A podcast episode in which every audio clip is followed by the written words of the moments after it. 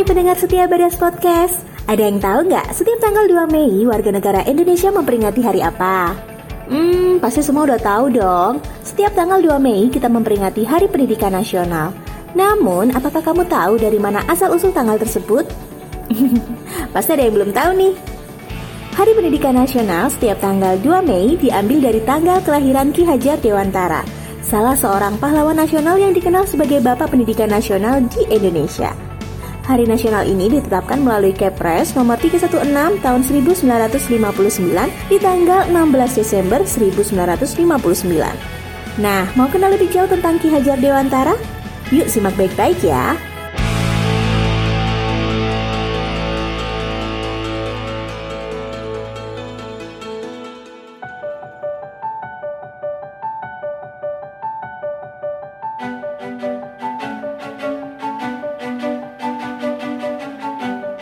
Raden Mas Suwardi Suryoningrat atau yang lebih dikenal dengan Ki Hajar Dewantara adalah pendiri perguruan Taman Siswa.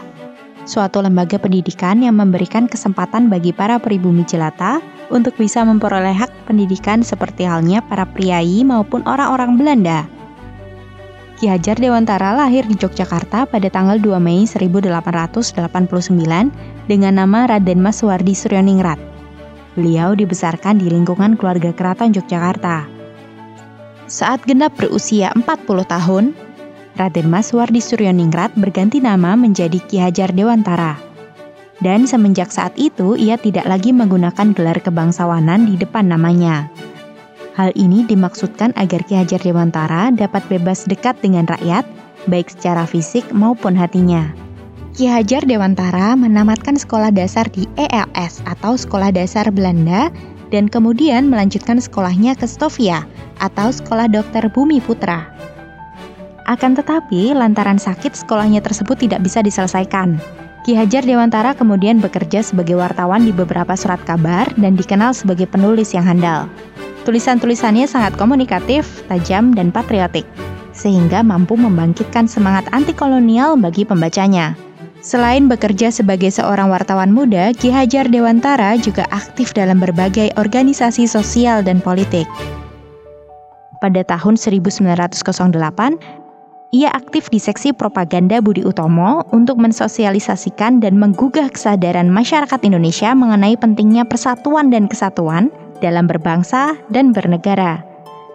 Kemudian bersama Daus Dekker atau Dr. Danu Dirja Setiabudi dan Dr. Cipto Mangunkusumo yang dikenal sebagai tiga serangkai, Ki Hajar Dewantara mendirikan Indi Separtage atau partai politik pertama yang beraliran nasionalisme Indonesia yang bertujuan mencapai Indonesia merdeka. Semangatnya tak berhenti sampai sini.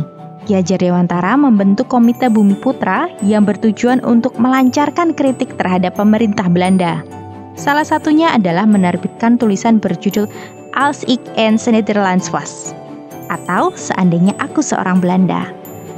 Dan En for Allen, maar ook Allen for En atau satu untuk semua tetapi semua untuk satu juga.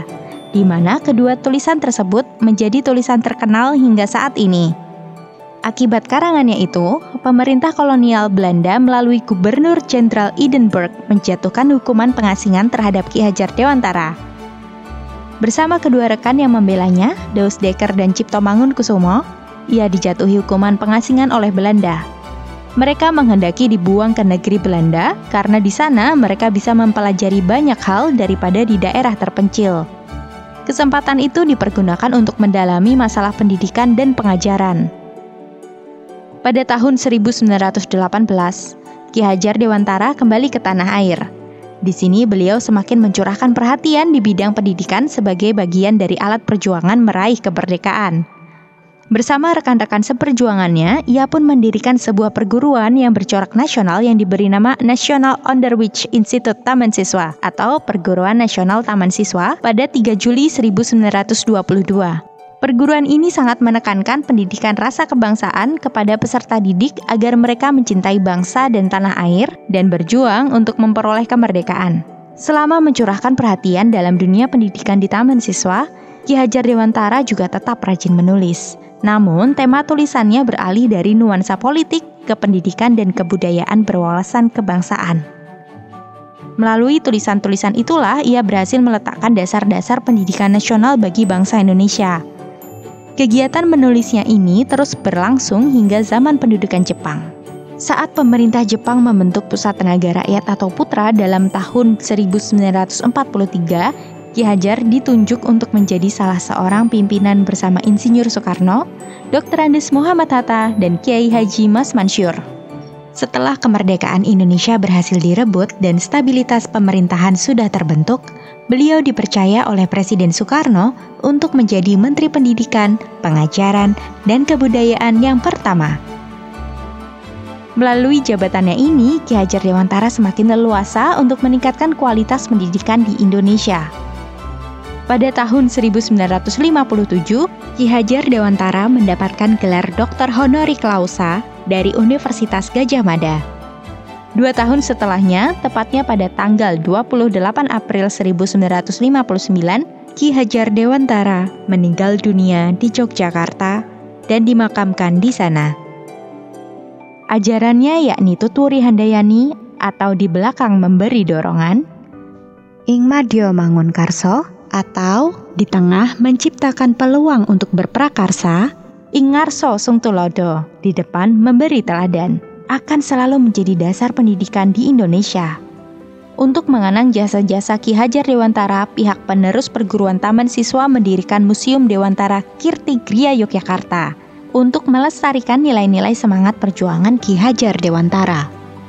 Dalam museum ini terdapat benda-benda atau karya-karya Ki Hajar Dewantara sebagai pendiri taman siswa dan kiprahnya dalam kehidupan berbangsa koleksi museum yang berupa karya tulis atau konsep dan risalah-risalah penting serta data surat menyurat semasa hidup beliau sebagai jurnalis, pendidik, budayawan, dan sebagai seorang seniman telah direkam dalam mikrofilm dan dilaminasi atas bantuan Badan Arsip Nasional.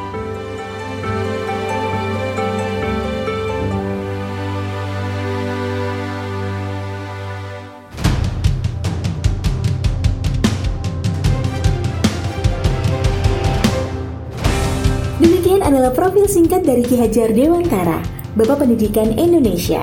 Gimana? Sangat inspiratif bukan? Semoga teman-teman Badas Face Over bisa mengambil pelajaran dari perjuangan dan kepedulian Ki Hajar Dewantara terhadap kualitas pendidikan di Indonesia. Berkat perjuangannya, saat ini banyak anak-anak penerus bangsa yang bisa merasakan hidup di bangku sekolah.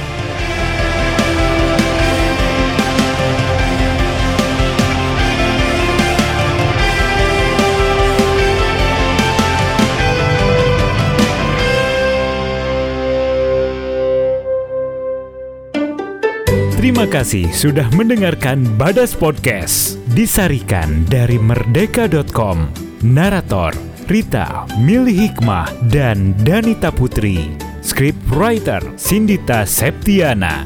Talent Koordinator Maria Ulfa, Sound Designer Iqbal Firdaus Hasan, Produser Ilsa Mionda, Casting dan Promo Shirley Grezia.